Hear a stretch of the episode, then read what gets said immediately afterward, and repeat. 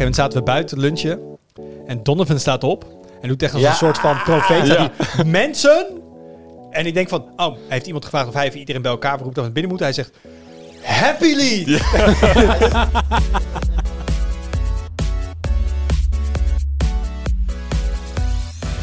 Hoi, leuk dat je luistert. Welkom bij een nieuwe aflevering van de Tweakers Podcast. Mijn naam is Wout en vandaag zit ik in de podcast met Daan van Monchou, Hallo. met Arnaud Hokke Hoi. en met Jurian Nubachs. Hey, hallo, ik hier.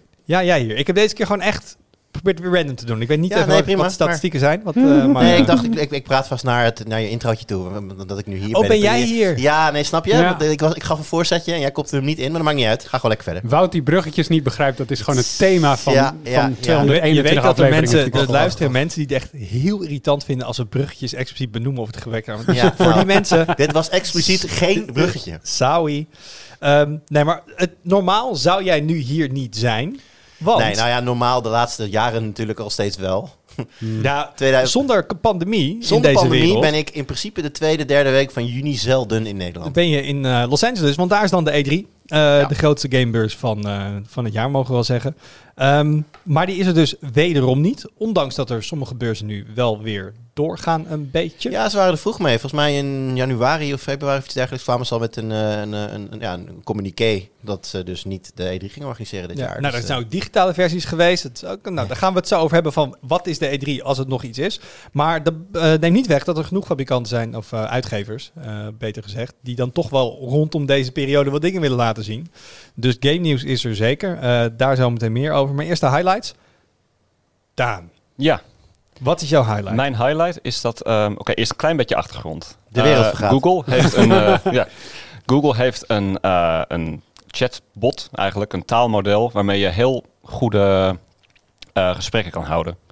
En Dus deze op, week... IO, op IO laten zien dit jaar. Ja, inderdaad. klopt. Lambda 2, dat heet Lambda.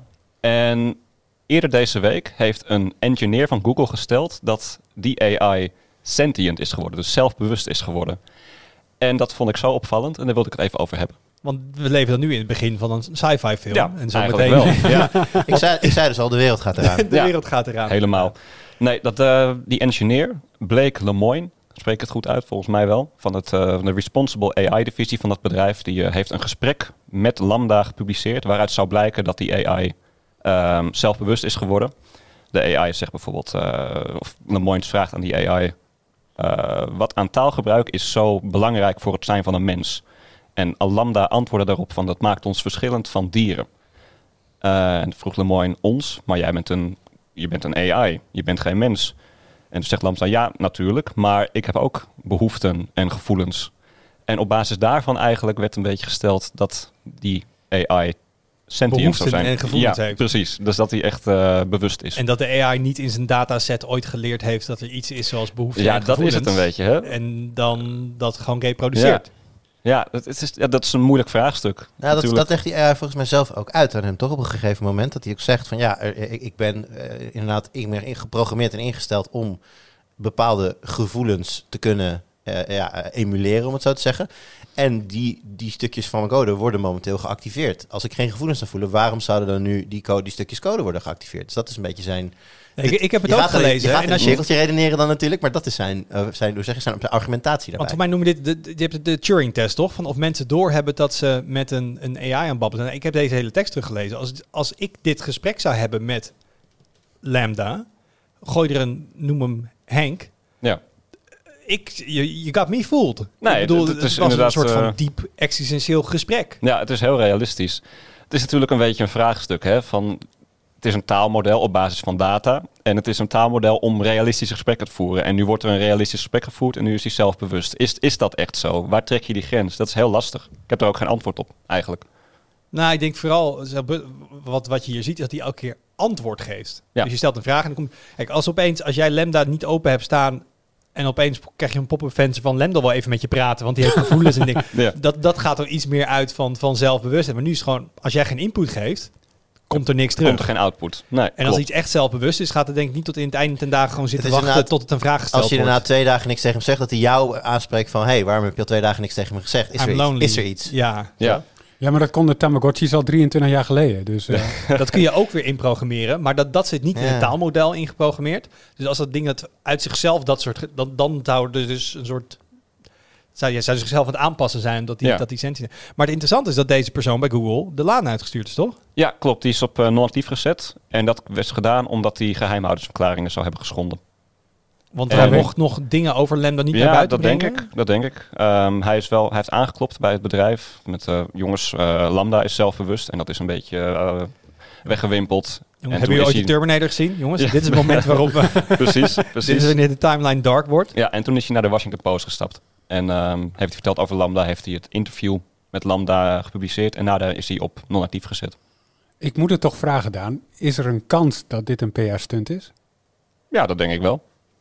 Met, Ja. wel- met welk doel? Gewoon aandacht voor Google? Of? Aandacht voor de, de AI van Google en hoe goed Lambda wel niet is Ja. dat hij zelfs een... Dus, je- maar dan zou deze persoon dus nog steeds bij Google werken. En Ja, ik weet niet welke, welke, welk aluminiumhoedje ik dan precies op ik moet vind het zetten. wel heel ver. het Dus, gaat wel ver, maar het- dus, dus deze meneer is eh, apart genomen door zijn manager. Die zegt, goh, we hebben een leuk idee. We hebben een marketingcampagne voor Lambda. Gaan we jou fake ontslaan? nee, op non-actief Of stellen. non-actief zetten? Omdat jij dan denkt dat die sentient is. En dan ga je stiekem naar de...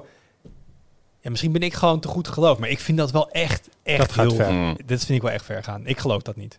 Ja, ik wil de, de vraag opwerpen, omdat ik het, zeg maar, het beeld wat je hieruit naar voren krijgt, is dat Lambda gewoon heel goed is in AI zijn. En dat is een boodschap die Google denk ik graag naar buiten zou willen hebben.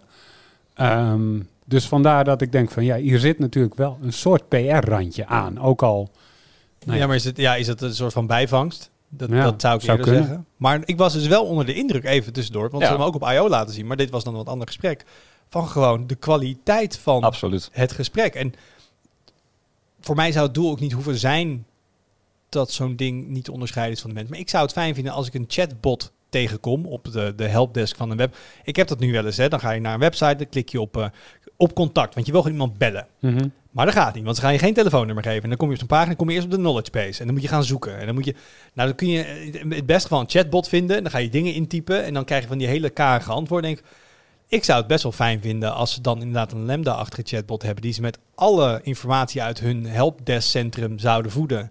En dat je echt gewoon een normaal gesprek hebt. hey, ik heb een probleem hiermee. Ja. Goh, heb je het al geprobeerd? Nee, nou, heb je het al... Oh, nou, dankjewel. Dus het is inderdaad goede PR voor, voor Google. Want ik denk dat dit wel hele nuttige technologie kan zijn. Juist ook helemaal open en bloot wetende. Je moet niet gaan pretenderen dat het geen robot is. Mhm. Uh, maar voor mij de huidige chatbots die er bestaan, Ja, die zijn niks. redelijk leem. Ja. Dus um, ik, was, ik zat het te lezen, ik was wel impressed. En tuurlijk, we, wetende dat je het leest vanuit de nieuwsangle, de ding is misschien sentient, leest het een beetje eng. Je denkt van, oh, Ja. het is wel heel menselijk. Maar uiteindelijk, het is allemaal gewoon goed te verklaren. Ja. Zoals we met heel veel dingen in, in de wereld die opeens denken, oh, dit is wel bovennatuurlijk. Nee hoor, is gewoon een verklaring voor. um, maar, ja, dus, maar misschien nou, dient dat deze meneer over een week weer bij Google blijkt te werken. En misschien dat het dan toch wel... Het is wel de clue van non-actief ook een beetje. Dat het op een gegeven moment dat hij weer terug zou kunnen komen. Nou, als ik het plot van de film zou volgen, dan zou de AI nu boos worden dat zijn vader ontslagen is bij Google en Google van binnenuit gaan aanvallen. Mm. Zo, Mm. zo gaat de film verder, denk ik. Ja, Hmm. Oh, ik zit al te wachten op het volgende hoofdstuk in, uh, van deze film. Dit, dit wordt Ja. wel leuk. Zeg jij hoofdstuk? Ik zeg hoofdstuk. Nee. ja, ja, jullie hebben het over film. Ik denk aan een boek. Dat is gewoon, dat is gewoon hoe mijn hoofd uh, dan werkt. Ja, zal ik Dat, dan dat ook is mijn ja, nee, zelfbewustzijn. ik zei nee omdat ik weet wat er nu gaat komen. Mijn highlight. ja. ja, nee, maar die doen me altijd bijna aan het eind. Maar ik gooi mezelf er gewoon eens tussendoor. ja, prima. Ik ben uh, twee weken met vakantie geweest. En dan lees ik boeken. Die lees ik ook wel eens als ik, uh, als ik uh, terug ben, gewoon in Nederland. Als ik uh, niks te doen heb. Maar ik kan daar altijd makkelijker de tijd voor vinden op vakantie. Ik had er een heleboel um, gedownload op mijn Kindle. Uh, ik heb trouwens ook een nieuwe Kindle. Ik had zo'n ding van, van zes, zeven jaar oud. Ook omdat, er, ja, e-reader is een e-reader. Wat maakt het uit? Mm -hmm. Maar Wat maakt dingen, het uit? Die dingen zijn echt sneller geworden in de, ja, in de loop der jaren. Want ik vond dat, dat is toch best wel traag. En dan ga je naar het homescreen, dan zie je drie seconden te wachten. En dan wil je de ingebouwde winkel gebruiken. En dan soms een page turn moet je lang wachten. Uh, dus ik heb nu een hogere resolutie scherm met die nieuwe Paperwhite en uh, ja, betere hardware. En dat doet echt iets voor de gebruikservaring. Hmm. En mijn oude die had zo'n verzonken scherm. En deze helemaal flash gewoon gelamineerd en zo. Dus uh, dat was sowieso al plus één. Um, Nice. Dat een aantal boeken opgezet. Wel trouwens drie weken geleden in de podcast. Jij het voor mij over After Steve. Ja. Ben ik nog steeds niet aan toegekomen. moet nog steeds lezen. Want, uh, en wat toen ook over beeld van Tony Verdel ben ik in begonnen. Best leuk boek. Maar ik had ook op aanraden iemand gedownload. The Masters of Doom. -hmm. Wat natuurlijk een hele vette titel is. Um, maar dat is eigenlijk leuk voor. Het is een hele erge uh, nostalgische trip down memory lane. Het gaat over het begin van id Software. Eh, de makers van Doom, de makers van Quake, de makers van Wolfenstein. Eh, en daar had je de two Johns. Je had John Carmack, de programmeergod die alle engines maakte. En je had John Romero, ehm, ja, eigenlijk de man that never grew up, maar de Peter Pan van de game-industrie, die gewoon zo, zo doordrongen was van liefde voor games, die alleen maar games wilde maken en meer de, de, de gameplay en de level design kant. Ehm, en het is door een, een, een, Amerikaanse journalist geschreven. Eh, ik dacht ook achteraf toen ik het gelezen had van hoe heb je dit verhaal ooit kunnen reconstrueren? Want hij schrijft alles alsof hij bij elk gesprek erbij is geweest. Ehm, maar heeft dus ook die twee mannen heeft hij meerdere malen, meerdere uren geïnterviewd. Maar iedereen, van heeft hij honderd interviews gedaan met iedereen die erbij zat. Maar hij schetst dus eigenlijk de hele opkomst van PC-gaming. Want gaming was altijd iets wat je op een Amiga deed.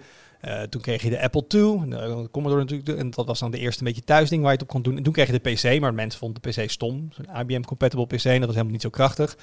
Maar wel goedkoop, daardoor werd de afzetmarkt heel groot. Dus zij waren een beetje de eerste, of in de eerste wave van, van ontwikkelaars die dachten, hé, hey, hier moeten wat mee.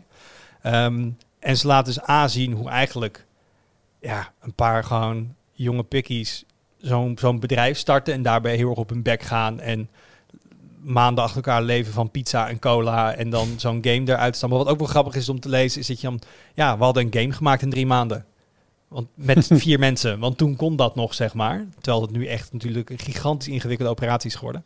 Ehm, maar ook alle, ja, alle persoonlijke relaties en, en, en de ruzies en de mensen die zijn opgestapt en nieuwe mensen die bij zijn gekomen. En ook, maar ook het technisch. Dat vond ik ook leuk. Dat ze, eh, ze het is één schrijver, dat hij ook probeert uit te leggen, toch ook wel toegankelijk, wat John Carmack zo bijzonder maakte. En hoe hij uit die hele trage oude hardware dan, hè, dat met Commander Keen, ehm, dat je dus een, een scrollende background had die op een ander tempo scrolt, zeg maar parallax met de voorkant, dat je dan een soort diepte effect kreeg. Ja, dat was een soort van ontdekking hoe ze dat technisch moesten doen. Dat ze dachten dat it can't be done.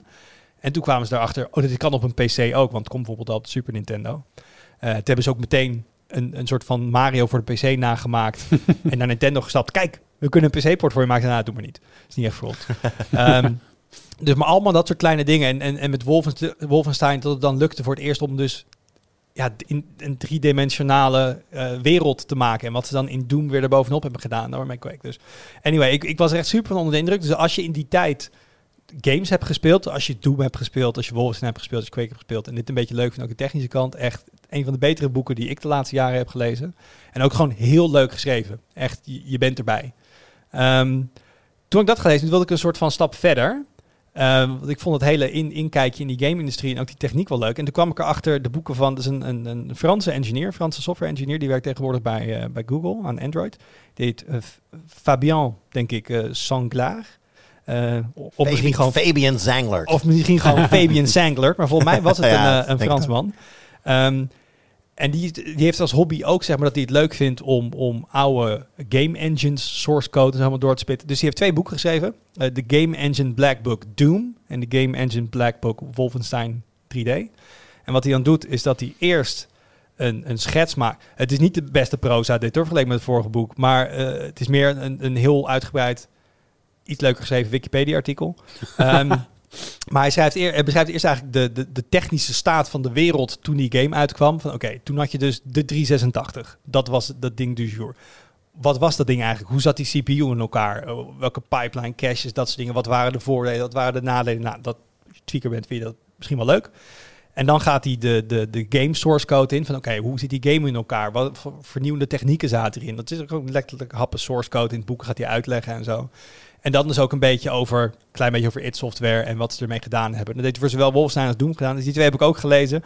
Ehm, heel eerlijk, denk dat ik de helft snapte. Want op een gegeven moment gaat hij gewoon over de, weet ik wat, de memory mapping en memory manager en wat in low-level assembly is geoptimaliseerd. Ja, ik ben geen programmeur, dus daar skip ik dan een beetje doorheen. Ik, de, gist of it snap ik dan wel. Ehm, maar ik, ja, ik, vond, ik vond dat zeker in dat combinatie van die drie boeken, ehm, heb ik me daar eh, kostelijk mee vermaakt. Dus eh, in deze hoek van Wout's boekentips en highlight. Dat dat gewoon ook bestaat. Dat dat soort boeken er zijn. Nou, dit, is- dit is ook een, een labor of love van, van die Fabian. Ja. Want je kan het op Amazon kopen, maar hij biedt ook gewoon gratis de PDF aan. Ik heb gewoon de PDF's op mijn e-reader gezet. Wow. Dus hij heeft eh, een PDF, een boek van 400 pagina's waarin hij een engine uit elkaar trekt. In zijn vrije tijd geschreven. En dat geeft hij dan gratis terug. Wauw. Ja, dat vind ik wel mooi ook vanuit de open source gedachte. Ja. Dus ehm, Hebben Ja. jullie een van die boeken gelezen? Daan, jij? Nee, Nee, maar ik ga hem wel bestellen zo. Dat eh Masters of Doom. Doom. Ja, Ja, en dan dat- ga ik daarna verder met eh, dat van die Fransman. Dat klinkt Dat erg is tof. misschien ook... Ja, ik bedoel, dat is ook waar, je doet- waar jij bij, voor tweakers best wel Ja, eh, veel induikt. Maar de, de technische kant van gaming en de engines en zo. En eh, de Doom engine is niet echt te vergelijken met wat er tegenwoordig is. Maar Nee. omdat het zoveel simpeler is, is het best wel te behappen. Ook Ja. voor leken zoals wij, die zeg maar geen engine programmers zijn. Alles was toen veel eenvoudiger qua games. Ik bedoel, nou, ik kijk even naar Jur, maar tegenwoordig een AAA-titel, het valt me wel eens op dat je dan ziet dat, weet je, ook als er een nieuwe Assassin's Creed is, ja, er waren vijf teams over de hele wereld ja, met in ja. totaal 800 man die aan deze game hebben gewerkt. Het is, ik, ik, ik snap niet hoe je het project overziet, De- zeg maar. De, de aftiteling kijkers duurt soms bijna net zo lang als de game Ja. spelen. dat vind ik nog steeds het mooie aan id Software overigens. Ik heb wel eens Billy Kahn geïnterviewd. Dat is de lead engine programmer voor ITTEC. Dat is hun engine. Maar de opvolger En- van John Carmack Ja, eigenlijk. eigenlijk wel. En ehm, nou ja, wat je zegt, ze begon als een heel klein bedrijf die echt aan de, de forefront van de 3D-engine zaten. En ITTEC 7 is hun meest recente versie. Dat is echt een hele goed geoptimaliseerde engine die ook best wel mooie plaatjes kan produceren.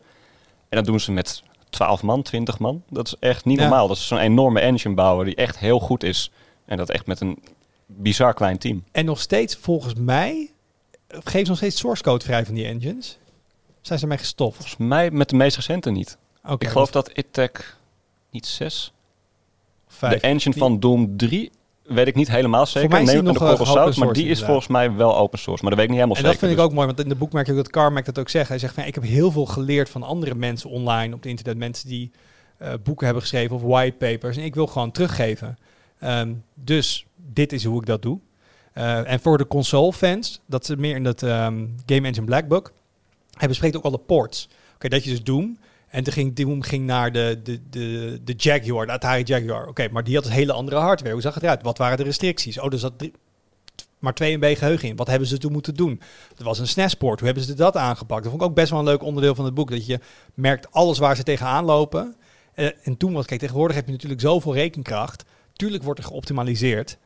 Maar je hoeft ook niet echt zo tot het naadje te gaan. En toen was het, ja, weet je, als het gewoon op, op de Super Nintendo moet draaien, dan moet je elke bit, elke byte, el- elke texture, je moet overal naar kijken om het dan speelbaar te, te maken. Eh, vond ik ook erg tof om te lezen hoe ze dan al die, ja, die problemen hebben aangepakt.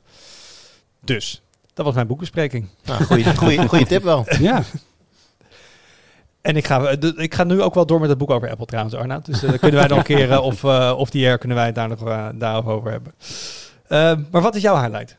Ja ik, eh, ik eh, eh, zit met mijn hoofd in de dating apps momenteel. Weet je vrouw dat ook? ja. ja, het is. eh, eh, het, eh, er- er werd deze week, afgelopen week, een, ja, een hoofdstuk afgesloten. Kom ik weer met dat woord, maar dat is wel echt zo. In de, in de, in de saga tussen de Nederlandse toezichthouder ACM en eh, Apple, die het aan de stok hadden over dating apps.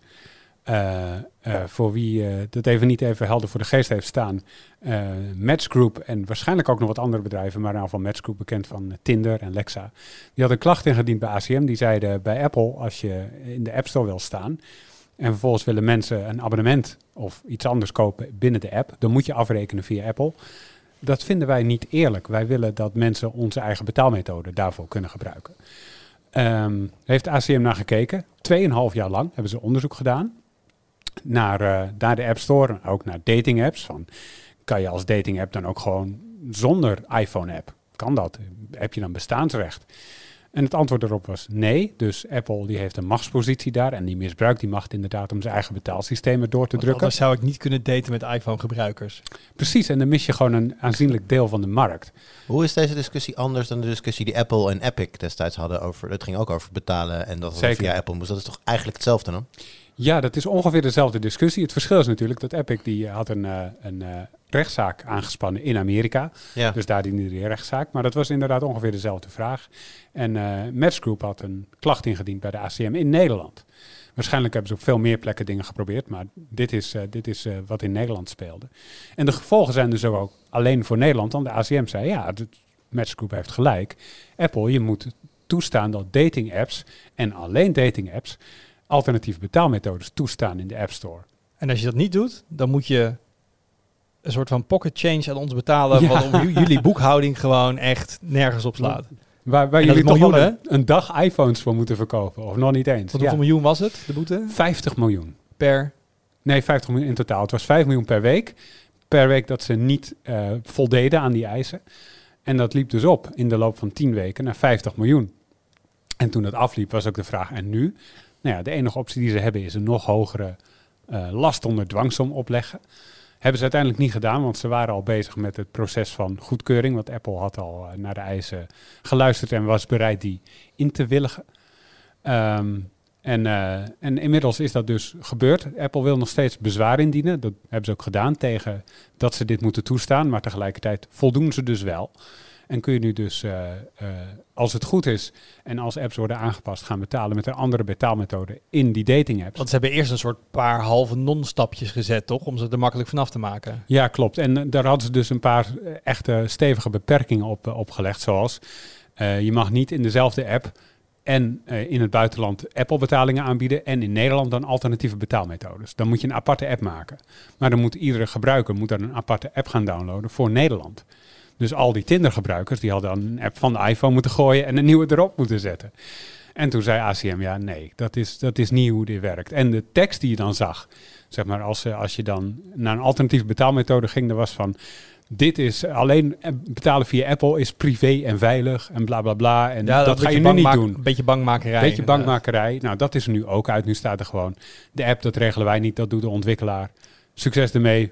Je moet weten dat dit gebeurt. Continue. En dat is het. Dus eh, er zijn allemaal dingen aangepast waardoor het wat minder afschrikwekkend is en waardoor het eh, wat makkelijker is. Eh, dus nu heeft de ACM gezegd, oké, ja, dit is goed. Maar er is nog steeds een beperking. Als in Apple die zegt wel van, we verlagen de commissie ervoor, maar dat is met 3 procentpunt. Dus als een, als een appmaker 30% afdracht had, of 15, een van die twee is het, maar ik denk 30 in veel gevallen, ehm, dan gaat het naar 27%.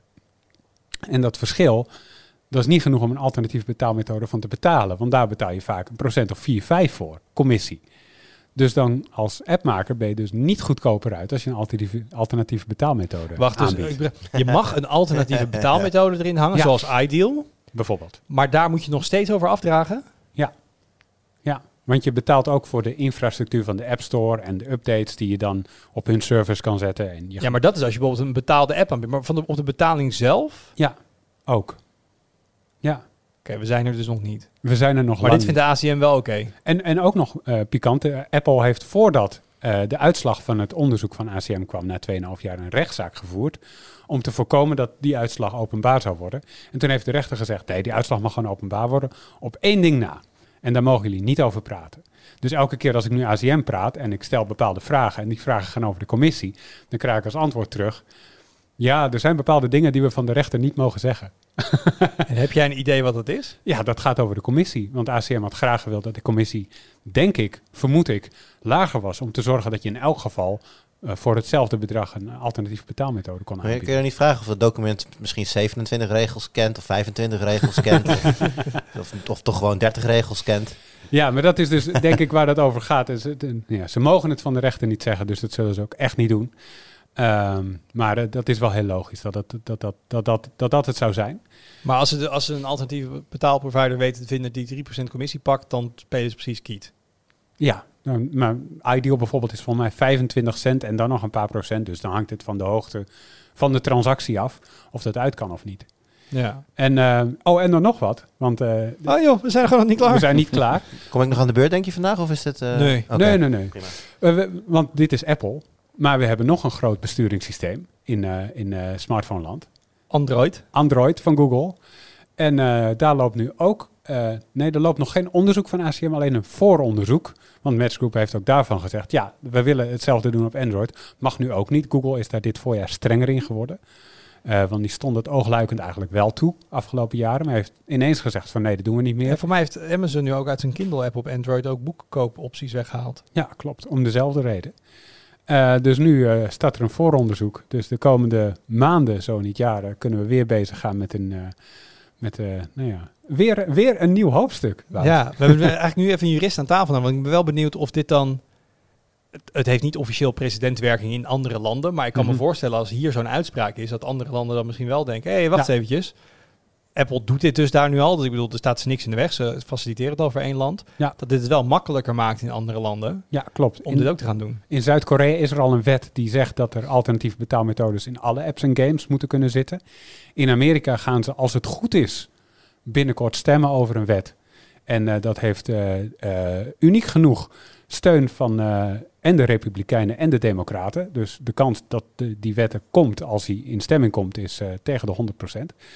Eh, om, om, om ditzelfde te doen, dus om alternatieve betaalmethodes af te dwingen voor alle apps en games op Android en op iOS en overal waar een downloadwinkel is.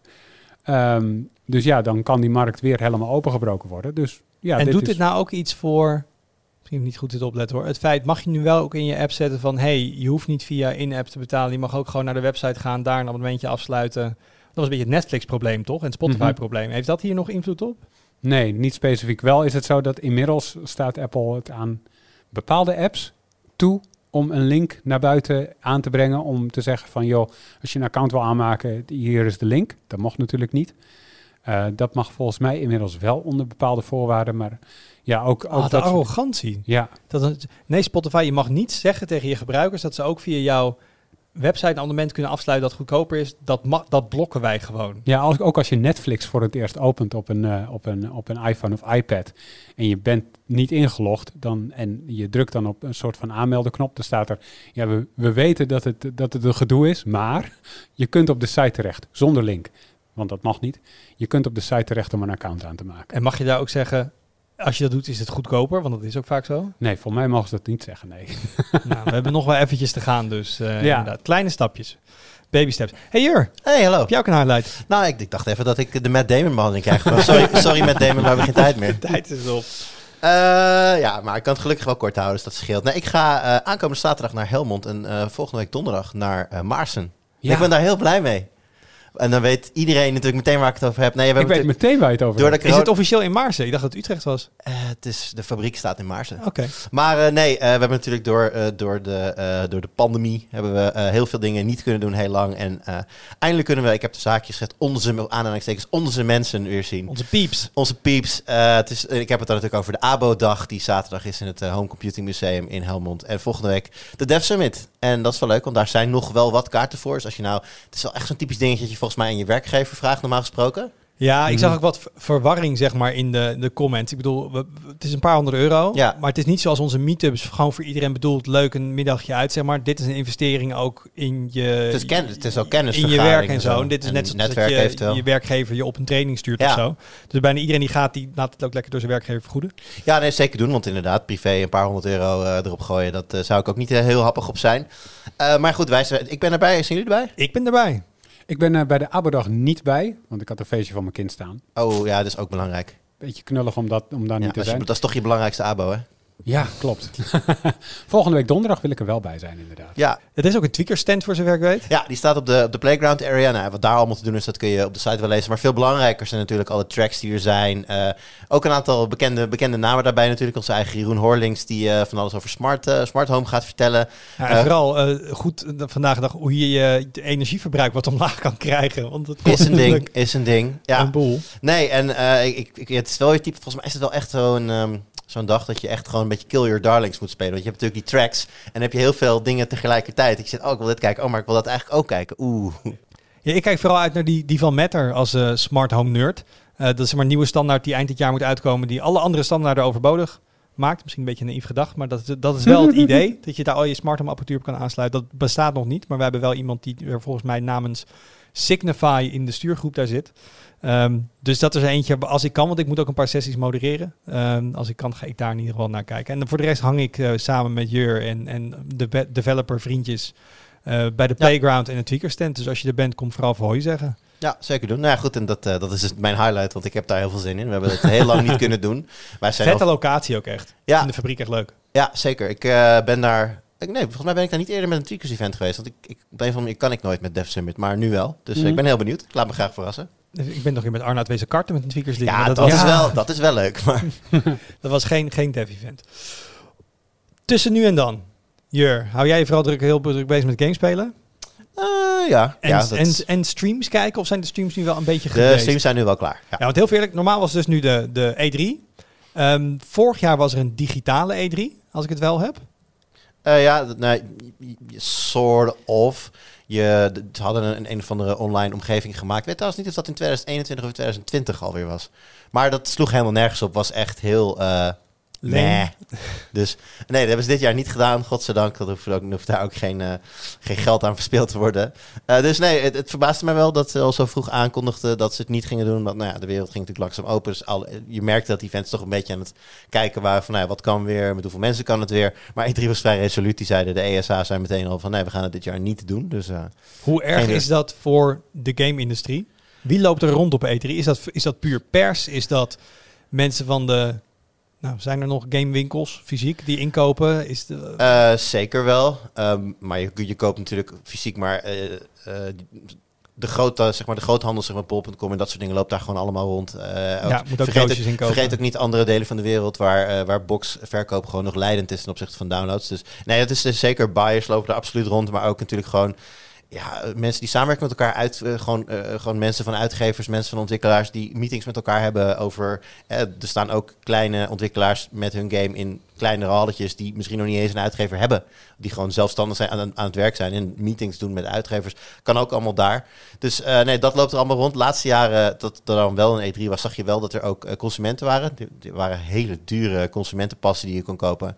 En dan moest je heel erg lang in de rij staan voor dingen waar wij dan hopelijk afspraken voor hebben. hey, klinkt als la- lang in de rij staan, klinkt als Gamescom.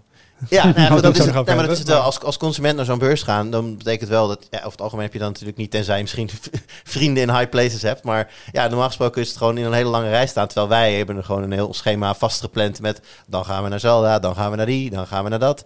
Dus dat is, dat is een hele leuke manier van de E3 doen. Als ik dat niet zou hebben, zou ik er als gamer, denk ik, de moeite niet voor over hebben... om daar twee, drie, vier uur in de rij te gaan staan voor 10 minuten van een nieuwe game... die nou, een paar maanden later dan eh, gewoon te spelen is. Oké, maar dit is een belangrijk evenement elk Heel jaar ja, waar zeker. media eh, nee, nieuwe jouw- games kan jouw- zien, met jouw de uitgevers kan praten. En Jouw vraag was, is het erg? Ja, jouw vraag was, is het erg? Ehm, ik denk het niet. In die zin van, eh, er mist een bindend evenement. Dat is, dat is erg. Maar je zag de laatste jaren al een trend dat steeds meer eh, grote uitgevers hun, eh, hun boeltje oppakten en het ergens anders in LA neerzetten. Bijvoorbeeld eh EA is natuurlijk een goed voorbeeld met EA Play. Die stonden jarenlang op de beurs zelf en die verhuisden, volgens mij in 2017, 18, verhuisden die naar een ander deel van LA om daar gewoon een voorafgaand aan de E3. Dus in het weekend voor de E3 deden ze daar hun eigen event. En daar hadden wij dus dan ook onze speelsessies en waren verder niet meer aanwezig eh, op de E3 zelf. Nou, Microsoft is daar weg. Die zitten in het Microsoft Theater dat ernaast staat. Heb zo het gevoel dat dat voor hun een stuk goedkoper is. Je naam staat erop, dus waarom zou je het niet doen? En, ja, en voor ons is dat ook werkbaar, want wij lopen op de E3 rond. Ja, Microsoft Theater zit ernaast. Dus ik, kijk, het is wel even ook. Ik heb nu straks daar een afspraak, dus je moet iets verder lopen. Maar het is niet eens zo heel veel verder dan van de ene naar de andere hal. Dus ja, dat is prima werkbaar. Dus je merkte al dat, eh, dat, dat de grote partijen niet per se meer zaten te wachten op die torenhoge kosten die ze moeten betalen aan de ESA voor die gigantische stands die we kennen van nou ja, de filmpjes en zo, et cetera, die we daar maakten. Maar ja, tegelijkertijd is het natuurlijk voor hun wel heel waardevol om het wereldwijde journaal in dezelfde week op dezelfde plek te hebben. Ja. En ik denk, dus eh, ja, ik, ik weet niet of dat te coördineren valt op die manier. Maar het zou mij heel logisch lijken als je dat met iedereen doet. Dus ja, je zal altijd wel een kleine centrale rol houden voor de E3. Hè, voor, voor die meeting rooms, voor die veel kleinere spelers. Maar dat hoeven helemaal niet meer die megalomane zalen te zijn die het nu zijn. Dat doe je gewoon lekker op andere plekken in LA. En dan ieder gewoon zijn eigen, zijn eigen optrekje. Dat werkt volgens mij voor iedereen een stuk beter. En dan, nou, dan hoeven de Activisions en de EA's en, en de Microsofts inderdaad niet meer miljoenen aan de ESA over te maken. Zien we trouwens bij weer meer beurs hoor. Voor mij bij Computex is de helft in de hal, maar waar het echt gebeurt zijn de hotelkamers. Eh, dat heb je dan ook weer. Klinkt een beetje Ik wil net zeggen. oh, nou, we kijken elkaar zo aan van, oh, misschien moeten we toch een keer naar Computex dan. Spannende beurt wel. Dat is zo het is. En eh, in Berlijn bij IFA was het ook vaak van dan, oh, dan Ja, de bekende fabrikant die dan toch met buiten bij NWC ook wel volgens mij. een ja Gamescom, eh, bij Gamescom heb je tegenover, heb je dan het, het, volgens mij is dat een Radisson Blue Hotel en daar zit Sony dan altijd in. En die deden daar dus ook inderdaad hun, hun eh, behind closed door sessies. Met, C- CES trouwens ook, al die hotelkamers Ja. in, in Vegas. Oké, maar het is er dus nu niet dit jaar. Nee, en dat is. eh, en ook weer wel. Want eh, tegelijkertijd, ehm, Xbox had altijd op zondag voor de E3 hun vaste eh, showcase event. Dat was ook dan in het, Microsoft Theater. En dat was voor ons dan heel erg vroeg opstaan in LA. En dan in een rij staan. En dan op de een of andere manier, ondanks dat we vroeg waren, toch altijd ergens hoog achter in de zaal terechtkomen. Ik weet niet hoe dat werkt, maar oké. En Xbox dacht, weet je wat, wij, wij houden gewoon ons vaste moment waar we altijd zaten. En wij gaan gewoon een showcase doen. Dus in die zin was er wel iets. Daarnaast had je natuurlijk de stream van eh, Summer Game Fest. Mhm. En eh, daar zat natuurlijk ook al wat, wat het aankondigingen, wat trailers in. Dus ehm, ja, er was wel iets, maar wat voor ons natuurlijk voornamelijk ontbreekt, is fysieke aanwezigheid en daarmee de mogelijkheid om games te spelen. Want dat is wat je ja, het meest doet op een beurs. Dingen aanraken, dingen uitproberen. Want dat is er helemaal niet. Er is ook geen digitale variant van een preview. Nee, nou, ik heb voorgaande jaren heb ik wel inderdaad met eh, ja, streamend dan wat, wat demo's gespeeld. Ja, dat is het toch altijd net niet. Je hebt altijd net wat meer lek dat je gewoon in, dat je gewoon in, in eh, ja, zeg maar gewoon lokaal gaming zou hebben. Ehm, grafisch is het minder. Dus ja, dat, dat, ik heb het dit jaar eh, niet, niet gedaan. Eh, ik weet wel dat er wat mensen hands hebben gehad. Ik denk dat dat gewoon lokaal bij uitgevers is gebeurd, met name in Amerika zelf. Ehm, dus er is wel wat hands maar voor ons in ieder geval op dit moment nog niet, nee. Dus, eh, en je hebt net, eh, je zei net Xbox, dat was maar een grote stream. Die heb ik ook maar meegepakt. Hoeveel games hebben ze daar getoond? Het was echt op een gegeven moment om gewoon en- een waterval. Volgens mij om en nabij de 30. Ja, Ja. misschien zo meteen op die games even in. Maar voor de rest zijn er nog welke andere grote partijen hebben geshowcased? Eh, nou ja, de meeste grote partijen die vonden hun plekje bij ofwel Summer Game Fest. En dan heb je bij Xbox en Bethesda heb je natuurlijk al een heel zwikkie. Eh, Sony die, die deed bijvoorbeeld een aankondiging tijdens Summer Game Fest in die stream. Eh, Capcom heeft nog een, een eigen show gehouden, maar dat, dan heb je het ook wel een beetje gehad. Ja, oké. nou, misschien. Er waren er nog wel meer hoor. Devolver Digital heeft een eh, pre- presentatie gedaan, maar dat zijn... Uh, Devolver begint aardig aan de weg te timmeren, maar voor de rest eh, zijn het niet de grote der aarde die hun, hun dingen deden. De- Sony doet waarschijnlijk later dit jaar nog een, een State of Play eh, stream, waarin we hopelijk eindelijk te horen krijgen wanneer God of War Ragnarok verschijnt. Maar dat is niet te vergelijken met de, de grandeur van een E3-show. Ja, oké. dus nou meer dan eh, nou, 30 bij de Xbox show. Dan heb je nog die, die andere zij. Ja, die, Gamefest heb ik niet geteld, maar dat zullen er ook zoiets zijn geweest. En dat je daarna had je nog de, de indie-show. Nou, dat had natuurlijk ook een wagonlading en allerlei, eh, er- allerlei games. ergens is de 1500 games geshowd. Ja, 200.000. Nee, heel veel. Welke vielen op? Hmm. Ehm, nou, in de eerste plaats toch wel de, die remake van The Last of Us. Vooral ook omdat er toch wel heel veel eh, wenkbrauwen acht van, van, van kijkers wereldwijd omhoog gingen. Omdat, ja, ze- er- er werden dan ook wat vergelijkingsshots eh, ge- gegeven. Om te laten zien van hoe die remake voor PlayStation 5 van de eerste Last of Us er dan uit gaat zien. Is het mooier? Ja. Maar is het zeg maar zoveel mooier dat je er, als je hem al gespeeld hebt, nog een keer, nou ja, 70 dollars, dat zal hier 70 euro zijn. Ik weet het niet. En is dit ook de manier waarop ik zeg maar, hun, hun, hun capaciteit ingezet wil zien worden? Nee, dat zeker niet. Ik wil, ga, ga nieuwe dingen maken. Ik heb mij bij die game totaal niet gestoord. Omdat het verhaal zo goed was. En de Ja. writing aan de graphics destijds. Ik vond het juist voor de hardware die er was. Vond ik het heel mooi gemaakt en geoptimaliseerd. En meeslepend en cinematic. Ja, dan kan het inderdaad een beetje mooier. Maar dat gaat voor mij de gameervaring. Ja, als nog is speelt, niet echt voor... Nee, er is natuurlijk al een, een HD-versie gekomen. Er er is een, een, een opgepoetste versie toen voor PlayStation 4 al verschenen. Nou, die, ik heb die op de PS4 Pro ja, gespeeld. precies. Dus dan heb je al een, een, vrij mooie versie gespeeld. Dan denk ik bij mezelf van, goh, ja, weet je... Pomp hem nog een keer op en gooi dan een, een, een HD HD of zo. Of eh, nog een keer extra opgepoetst op PS5. Maar nee, ze gaan hem dus helemaal eh, opnieuw maken eigenlijk. Eh, Daan, tussen- ik zie jou heel hard knikken ook, terwijl je het hierover heeft. Ja, nou ja, inderdaad. Het is, hij is uitgekomen op PS3, PS4. PS, het is net Skyrim. Die is ook al geloof ik zes keer uitgekomen Of. GTA. Ja, of GTA, inderdaad. Ja. Maar er moet dan uiteindelijk wel geld in zitten. Dat er wel mensen zijn die dit gaan Ja, nou ja, ik, ik, ik, eh, volgens mij vat ik het op Twitter als volgt samen. Als dit zeg maar de, de, de- het, want het is natuurlijk, mensen gaan het kopen. Dat weet je van tevoren. Ik heb heel veel mensen ook zien zeggen van, ja, ik vind het echt belachelijk als ze dit doen. Maar ik ga hem, we gaan hem wel kopen. Weet je wel, dus als dit dan de, de, de cash cow is die zij nodig hebben om met enige financiële zekerheid de Last of Us 3 te kunnen maken. Ik Of, kan, ik kan me of voor- gewoon een heel nieuw project, want dat is altijd een, een financieel risico. Dus als dit dat dan een beetje afdekt voor ze, dan ja, wil ik het accepteren. Ik kan me voorstellen, als je hem destijds op PS3 hebt gespeeld, die groep mensen, dat het nu een mooi moment is. Oh, die wil ik nog wel een keer spelen. Dat is al lang genoeg geleden, een beetje weggezakt. hey, er is een hele nieuwe versie. Nou, dan pak ik die maar, zeg maar. Misschien voor de PS4 HD-versie dat het wel heel erg dicht erop zit. Ja, Ehm, maar het grappige is, ik vraag je naar wat viel op. nou, dat het was de eerste waar je mee is, is, een is een remake van een game. Ja, en dat zegt, dat, dat, dat zegt veel. Eh, kijk, Starfield viel natuurlijk daarnaast het meest op. Starfield is een, een game van Bethesda, dus die zat in de, in de Xbox Show. Was eigenlijk van tevoren wel bekend dat die eh, vrij, vrij uitgebreid getoond zou gaan worden. Hebben ze ook gedaan.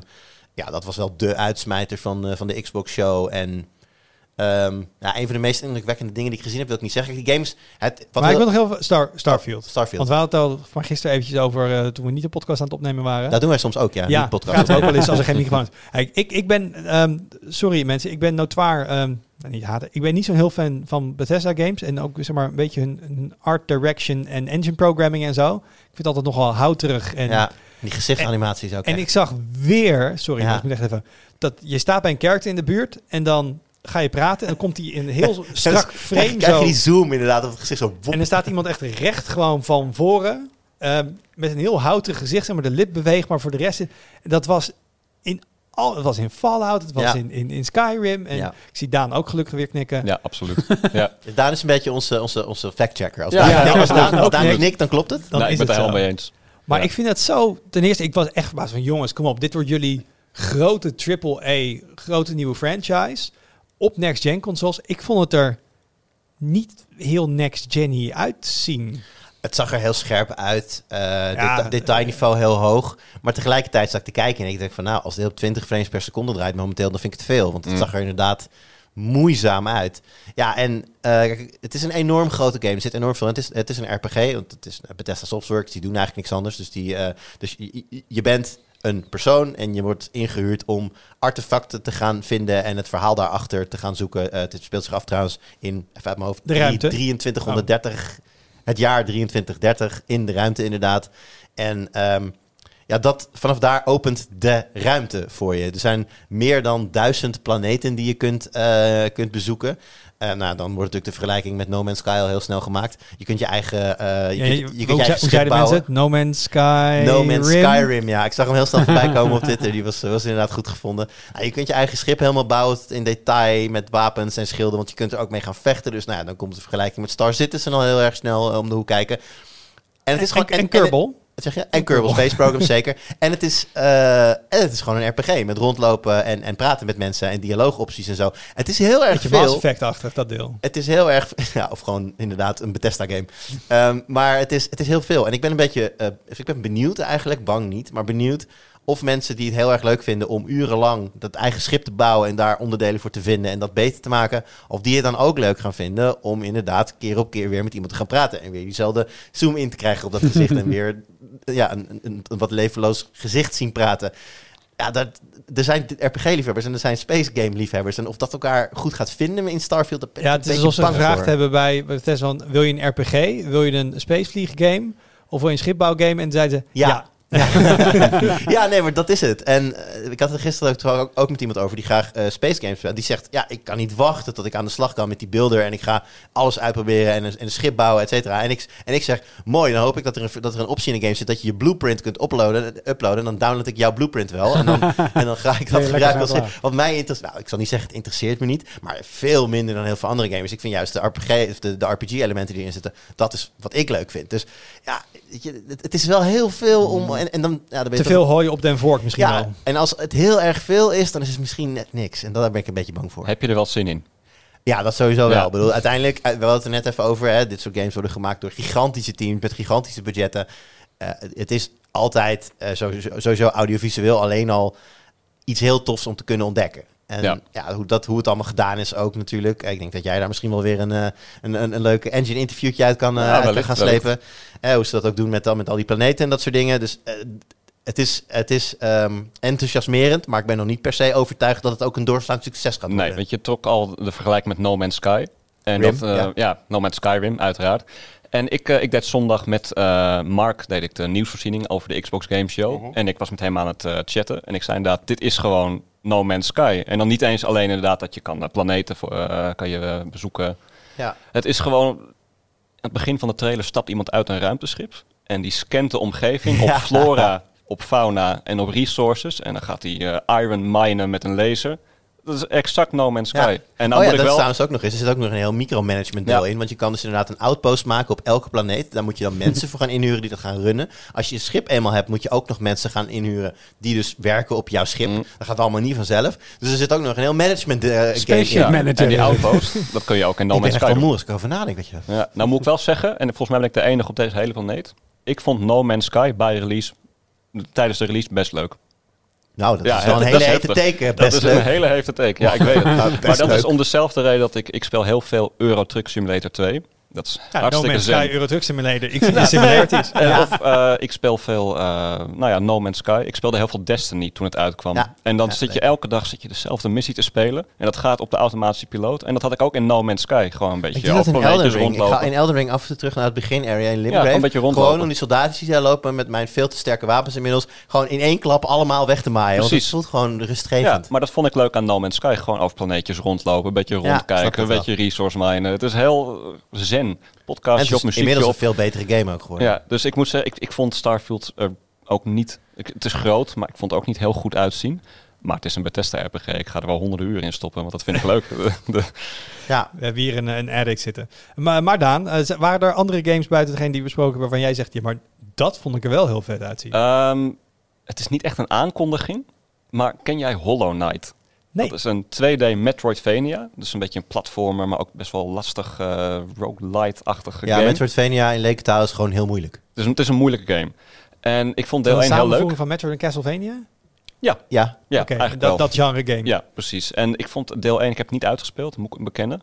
Heel tof, prachtige artstyle. En er komt een vervolg, Hollow Knight Silksong. En die is in februari 2019 voor mijn gevoel aangekondigd. Toen is die tijdens die E3, dus een paar maanden later getoond. Daarna niks meer van vernomen. En tijdens de Xbox show werd hij weer getoond. Weinig tot, ex- ja, tot grote vreugde van jou. tot, tot grote vreugde van mij. En weinig nieuwe beelden. Maar er was, nog nog. Geen, ja, er was nog geen release datum. En tijdens de Expo Show werd gezegd... alles dat wij tonen komt in de komende 12 maanden uit. Dus hij bestaat nog en hij komt echt. Hij en is niet dood, daar heb ik echt heel veel zin in. En ehm, ook een wat kleinere game. De maker van eh, This War of Mine en Frostpunk... komt met The Alters. Dat is een beetje Ja, een space... dat zag er vet uit Dat zag er heel tof Ja. uit. Het is een ruimte survival game. Het, is een, eh, het gaat over een man, die heet Jan. En die eh, is gestrand op een eh, onbekende planeet. En die maakt klonen van zichzelf om te overleven op die, in nee, die geen ruimte. klonen. Alters. Het zijn alters. Want een Ja. kloon zou exact hetzelfde zijn als wat jij bent. En hij maakt Ja. dus gealterd Ja. versies. En dan moet je het zo zien als dat zeg maar, zijn versie, dat die hij is, heeft misschien wel weet ik veel, journalistiek gestudeerd. Maar zijn altered versie heeft bouwkunde gedaan. Waardoor, zijn, waardoor hij dus samen met die altered versie iets anders kan maken. En zo maakt hij eigenlijk nieuwe versies van zichzelf met andere skills. Dat is een beetje het ding. Ja, en ook andere persoonlijkheden. Want eh, die zijn gebaseerd op de dingen die hij in zijn leven heeft meegemaakt. Bijvoorbeeld, eh, dus ze hebben allemaal een eigen persoonlijkheid. En dat, het, het wordt een eh, survival game met elementen van drama en psychologische horror. En ik vond dat heel tof klinken. Ja, ja het zag heel vet. Dat, dit zat trouwens in de, in de PC Gaming Ja, Show. Die vergat, die vergat ik net nog te noemen trouwens bij de streams. Maar daar zaten ook wel wat, eh, wat, wat dingetjes in nog. Ik ben sowieso hyped. Ik zag iets voorbij komen. En ik weet niet zeker of het goed heb gezien. Volgens mij was het Vin Diesel bovenop een dinosaurus. Ja, dat is Ark 2 in de, in de Xbox Show. Was en dat. ik dacht, ja, Vin Diesel bovenop een dinosaurus. Ja, maar- en ik zag dinosaurus en ik zag een meisje met een soort van blauw gezicht, gezichtpaint. En ik dacht, ja, dit is Horizon. Hm. Maar dan zonder robots. Dit is gewoon Horizon met normale dino's. maar met Vin Diesel. Ja, wel met Vin Diesel. Dus dat is dan wel, wel, wel, wel weer tof. Mm. Nee, ja, het- ik ben heel benieuwd. Ark, eh, Ark 2, het zag er, zag er ook vet uit. Maar ook dat is weer iets wat nog heel, eh, heel ver weg is. Ja. Dus dat is, eh, dat is een beetje jammer.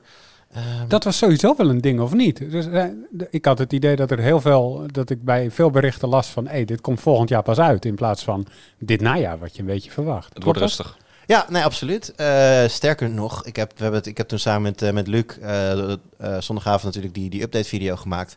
Alle games waarin we het daarover hebben gehad verschijnen in 2023. dus alle grote games, hè, de, de, want er werd een nieuwe Forza Motorsport werd daar, werd er aangekondigd. Eh 2023, Starfield hadden we het over, 2023. Eh, zo kan je nog wel even doorgaan. Het is alle, alle grootste games die, er, die daar worden genoemd, die zijn voor volgend jaar. Ja. Wel allemaal de eerste helft. Want eh, Xbox maakte er echt een punt van om te zeggen: dit zijn onze games voor de komende 12 maanden. Ehm, maar ja, wel 2023. En laten we eerlijk zijn, het is de game-industrie. Dus als het nu voor april, mei eh, 2023 staat, kan het nog best wel gewoon najaar worden. Volgend najaar, ja. Maar zijn dit dan wel die grote, baanbrekende next-gen titels waarop zitten te wachten? Want het laatste, sinds de introductie van de Xbox Series X en de PS5, was toch in het begin, ja, niet echt, waar zijn de system sellers? Nou, toen kwamen er games, maar die moesten ook backwards compatible zijn. Er moest ook een, een, een previous gen versie van zijn. Er wordt dus toch een klein beetje tegengehouden in de ontwikkeling. Hebben we nou hier titels zien waar we denken, ja, dit zijn van die titels die helemaal gemaakt zijn voor deze generatie consoles? Komt Starfield uit voor de Xbox One eigenlijk? Dat weet ik niet zeker. Ga ik even checken. Maar die Voor vonden de- we niet zo grafisch, Nou, niet heel erg niet indrukwekkend. bijzonder, inderdaad. Ver- nou, ik vond hem wel mooi uitzien. Maar is een nieuwe ik Call of ik Duty ik de laten hier. Ja. Is een nieuwe Call of Duty laten zien, maar die zou ook weer op last gen uitkomen, denk ik. Weet Ja. ik niet zeker eigenlijk. Zag er ook tussen Call of Duty. ja, Beetje, beetje donker, beetje ja, groezelig. precies, precies. Ja, die komt wel inderdaad gewoon dit jaar. Eh, ik denk dat Starfield niet op de Xbox One komt. Alleen op de, op de Xbox Series en, eh, en Windows. Ja. Maar zaten er, dus- ik zeggen, de games dus los van de gameplay waarvan je gewoon technisch, grafisch dachten, wow, dit is echt complete stap van waar we nu zijn. Want dat hadden we vroeger wel met zo'n nieuwe console generatie. Ja, als, als het eh, tijdens de, E- de niet-E3 is getoond, is het in ieder geval niet bijgebleven. Dus zal Nou het ja, niet super indrukwekkend zijn Het, het, geweest. waren niet, het waren heel veel games, maar het waren Ja. niet per se de, de, de absolute blockbuster supertitels die eh, eh, noemen GTA 6, eh, whatever, Red Dead 3. Ik weet niet wat er, wat er aangekomen allemaal nog. Maar dat, dat ontbrak een beetje. Iedereen had ook eigenlijk wel een beetje verwacht. Ik zei het aan het begin dat de, de release date van God of War Ragnarok zou worden bevestigd met een nieuwe gameplay. Eh, Trailer. Nou, dat is dus niet gebeurd. De- die, is- die was afwezig. Sony liet alleen een nieuwe Last of Us zien. En wel ook de Last of Us multiplayer game trouwens, die zich in San Francisco gaat, eh, gaat afspelen. En ook een verhaal zal hebben, dus hoe dat dan werkt, geen idee. Het was een vrij, eh, vrij korte presentatie, maar ehm, ja, dat, dat, en dat was het wel vanuit Sony. Terwijl ja, we hebben inderdaad Spider-Man 2 is in ontwikkeling, weten we. eh, Ragnarok moet dit jaar, als het goed Oh, Ook is. even melden, Spider-Man komt naar de PC. Spider-Man en volgens mij ook Miles Morales later, Ja, geloof ik. volgens mij wel. Ja. Ja. Ja, ja, Ja. Nee, maar dus, dus dat soort dingen. En eh zaten er helemaal geen grote game, bij- games bij? Jawel, Diablo 4 bijvoorbeeld vind ik echt wel een grote game. En, en dat zag er ook heel tof uit trouwens. Wel echt een game die je, denk ik, in een donkere kamer wil spelen. Want het Ja. is een, over het algemeen behoorlijk donker. In ieder geval, wat we hebben gezien, zag er heel, heel donker uit allemaal. Maar eh, ja, wel echt heel mooi. En heel veel, nou goed, wat we van Diablo kennen natuurlijk, heel veel eh, effecten eh, op het beeld, alles tegelijkertijd. Dus dat zag er tof uit. Maar eh, ja, weet je, de... de door de jaren heen heb je op E3 natuurlijk momenten gehad, zoals een review van een nieuwe Halo, een review van een nieuwe Uncharted, dat soort dingen. Dat zijn GTA. GTA inderdaad, gewoon echt de debuut van echt dat soort super, de, de allerhoogste rangorde. Ja, en dat was er niet. En ook bijvoorbeeld Ubisoft, helemaal stil. Niets van Ja. gezien. Eh, Ubisoft heeft nu net dan Roller Champions uitge- uitge- uitgebracht, een, een, een free-to-play eh, game. Eh, brengt, komt met nieuwe, nieuwe, eh, nieuwe characters voor, voor, voor Rainbow Six Siege en dat soort dingen. Maar waar is het volgende Assassin's Creed game? Waar is, waar is Mm. Beyond Good and Evil? Waar is Splinter Cell? Waar is eh, de nieuwe Ghost Recon game? Niets van gezien. Er staan zeer waarschijnlijk ook niet op de agenda voor dit najaar. Nee. Dus ja, er ontbreken gewoon heel erg veel games van heel erg veel eh, eh, grote game-uitgevers voor het, voor het komende jaar. Ja, maar ik vond ook inderdaad van de grote games die ze laten zien, die waren eigenlijk al aangekondigd. Is- we wisten allemaal dat het zou komen. En dat is denk ik ook de reden dat het een beetje rustig wordt in het najaar. Alles is uitgesteld. En dan heb ik het inderdaad over Starfield, die zal 11 november uitkomen. Die wordt, nu- komt nu in de eerste helft van volgend jaar. Maar bijvoorbeeld ook Zelda, er komt een eh, Breath of the Wild 2, uitgesteld in volgend jaar naar de lente. Zou eigenlijk ook dit jaar Die, uitkomen. eh, die, die Jedi-game van, eh, van EA, die is ook volgend jaar volgens mij. Ja. De opvolger Ja. van Fallen Order. Hoe kan dat? Ze moeten toch ook centjes Ja. verdienen deze Q4? Wat moet er onder ja, de kerstboom? eh, moeilijk, moeilijk. Eh, FIFA, pakjes voor een FIFA. nee, ja, eh, kijk, ook zelfs die, weet je, de nieuwe, de nieuwe voetbalgame van, eh, van EA, die volgens mij dit jaar nog wel FIFA gaat heten, maar daarna niet meer. Ook nog niks van gezien, ook nog niks van gehoord. Dus het is een beetje een, een gek jaar wat dat betreft. Want normaal gesproken eh, nou, zouden we ze inderdaad op de E3 allemaal gezien hebben. Ehm, ja, dit jaar nog niks. Dus het, eh, het is, het is wat, wat langzamer en het zou wel eens inderdaad wat rustiger kunnen worden. Maakt het wel iets minder erg dat je nog steeds geen PlayStation 5 kan kopen, dat wel. Verwachten we dan nog verrassingen, eh, even vooruitkijken naar Gamescom deze augustus? Dat zit altijd een beetje zelf dicht op E3. Normaal is dan eigenlijk de dingen die je op E3 even gemist hebt, zie je daar nog een keertje. Het zijn vaak misschien wel dezelfde beelden die er draaien. Ja. Verwachten we dat nu anders? Het is wel de, als hij fysiek doorgaat, gaan we er even uit, een fysieke gamebeurs. Ja, het, is, eh, het, wordt, eh, het wordt heel interessant. Ik begin langzamerhand eh meer en meer mailtjes ook te krijgen van, van kleine en minder kleine. Zou zeg maar Ubisoft gedacht hebben, weet je wat, we skippen de non-E3 week, we gaan niks doen, want er komt een echte beurs aan, dat is Gamescom. ik denk eerder dat ze zelf iets gaan doen, maar eh, het zou kunnen. En dat is afwachten. De Gamescom traditioneel is in ieder geval voor ons vrij laat duidelijk wat we daar dan precies gaan zien. Ehm, maar inderdaad, de laatste jaren ehm, dat de Gamescom werd gehouden, namen we dat een klein beetje minder serieus. Ook omdat wij natuurlijk van tevoren wisten dat 80% wat we in Duitsland gaan zien, nakomertje. Ja, dat hadden wij dan al in LA gedaan. En dan ging er eh, meestal één redacteur naartoe om nou, die, die nieuwe dingen dan mee te pakken. Ja, dat is dit jaar natuurlijk anders. Alles wat, eh, wat er getoond is, alles wat, zeker wat dit jaar, najaar uit moet komen, verwacht ik wel te kunnen spelen op de Gamescom. Dus, en dat is voor ons natuurlijk dan allemaal nieuw. Dus eh, ja, wij gaan daar absoluut wel heen. En ook eh, wat, wat, wat langer wellicht dan dat we vorige keer hebben gedaan. We nemen het ietsje serieuzer eh, deze keer. Ja, maar ja, goed, het, het is, het is eh, allemaal nieuw voor ons. Dus dan, ma dan maakt het het veel logischer om daar meer tijd voor uit te trekken. Ja, alright. Nou, daar, ehm, daar kunnen we naar uit gaan kijken deze, deze Gaat zomer. er even duren, hè? Dat is pas eind augustus. Dat duurt nog eh, dik twee maanden voordat het... Eh, mensen gaan nog op vakantie. En voor ze terug, voor het weten zijn ze terug. En dan eh, opeens is er Gamescom. Hey, dan wil ik nog even vooruitkijken naar wat er op de site verschijnt. Ik weet dat collega Friso met een verhaal bezig is ehm, over monitoren. Die, die testen wij. Die testen wij ook heel erg uitgebreid. Ehm daar vertesten wij heel veel aspecten aan zo'n ding. Ehm, en ik kan heel goed voorstellen dat als je dat wel eens leest, dat je denkt, ja, het ziet er heel indrukwekkend uit, maar ik weet eigenlijk niet van alles precies of het belangrijk is of wat het het doet. Dus dat is hij eventjes op papier, of virtueel papier aan het zetten. van waar moet je nou eigenlijk op letten bij een moderne monitor? Je hebt zoveel verschillende ja, aspecten, behalve gewoon hoe groot is die en wat is de resolutie en welk backlight zit erin. Ehm, dus dat, dat verhaal komt eraan. Eh, als het goed is, als je op deze dag op de site kijkt dat de podcast uitkomt, hebben we een, vergelijkende test van mid-range smartphones. Ja. Je weet wel, die dingen die niet sexy zijn, maar wel waar iedereen mee rondloopt. Eh, want niet iedereen die geeft eh, 1000 plus euro's aan een, aan een telefoon uit. Kijk, even een schuin oog naar Arnoud, want jij schrijft het niet, maar voor mij wel een, collega uit het nieuwsteam. is het verhaal voor Fido. Ja, dat is inloggen zonder, zonder wachtwoord. Daar horen we steeds meer over. Het is vorige week op WWDC van Apple bleek dat het in macOS eh, en iOS zit vanaf dit najaar. Eh, Google is ermee bezig en Android. Kortom, het, het LastPass kanten- kwam naar buiten met, je hebt geen wachtwoord meer nodig. Precies. Voor je wachtwoordmanager. Precies. Het is toch een beetje de, de metter onder de, onder de wachtwoordstandaarden. Het wachtwoord gaat gewoon dood. Ja, dat is een beetje de bedoeling.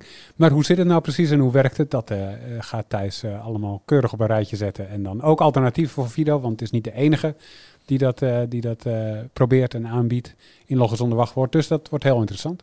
Gaan we lezen. Dankjewel jongens. Dankjewel voor het... ook nog iets. Heb je ook nog iets? Nou, ik weet Hij niet. stond niet op het lijstje. Nee, dat klopt. Ik, heb, ik, heb, ik ben bijna klaar nu, maar ik weet niet, alleen nog niet wanneer die eh, online komt. Maar eh, een, hele ouderwetse, lekkere Teenage Mutant Ninja Turtles game. Op de ik ben op de Switch aan het spelen en het is echt just like old times. Als je het over 90s nostalgia hebt waar we mee begonnen. Ja, hebben. 80s en 90s nostalgia inderdaad. Het heet eh, TMNT, of is het Teenage Mutant Ninja Turtles Shredder's Revenge.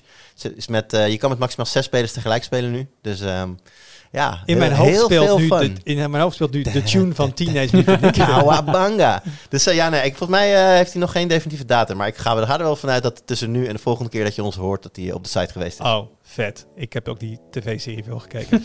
Alright, dankjewel eh, jongens. Dankjewel voor het luisteren. Heb je vragen, dan kun je altijd even een mailtje sturen op podcast.tweakers.net of een reactie achterlaten op de website. En tot volgende week. Doei!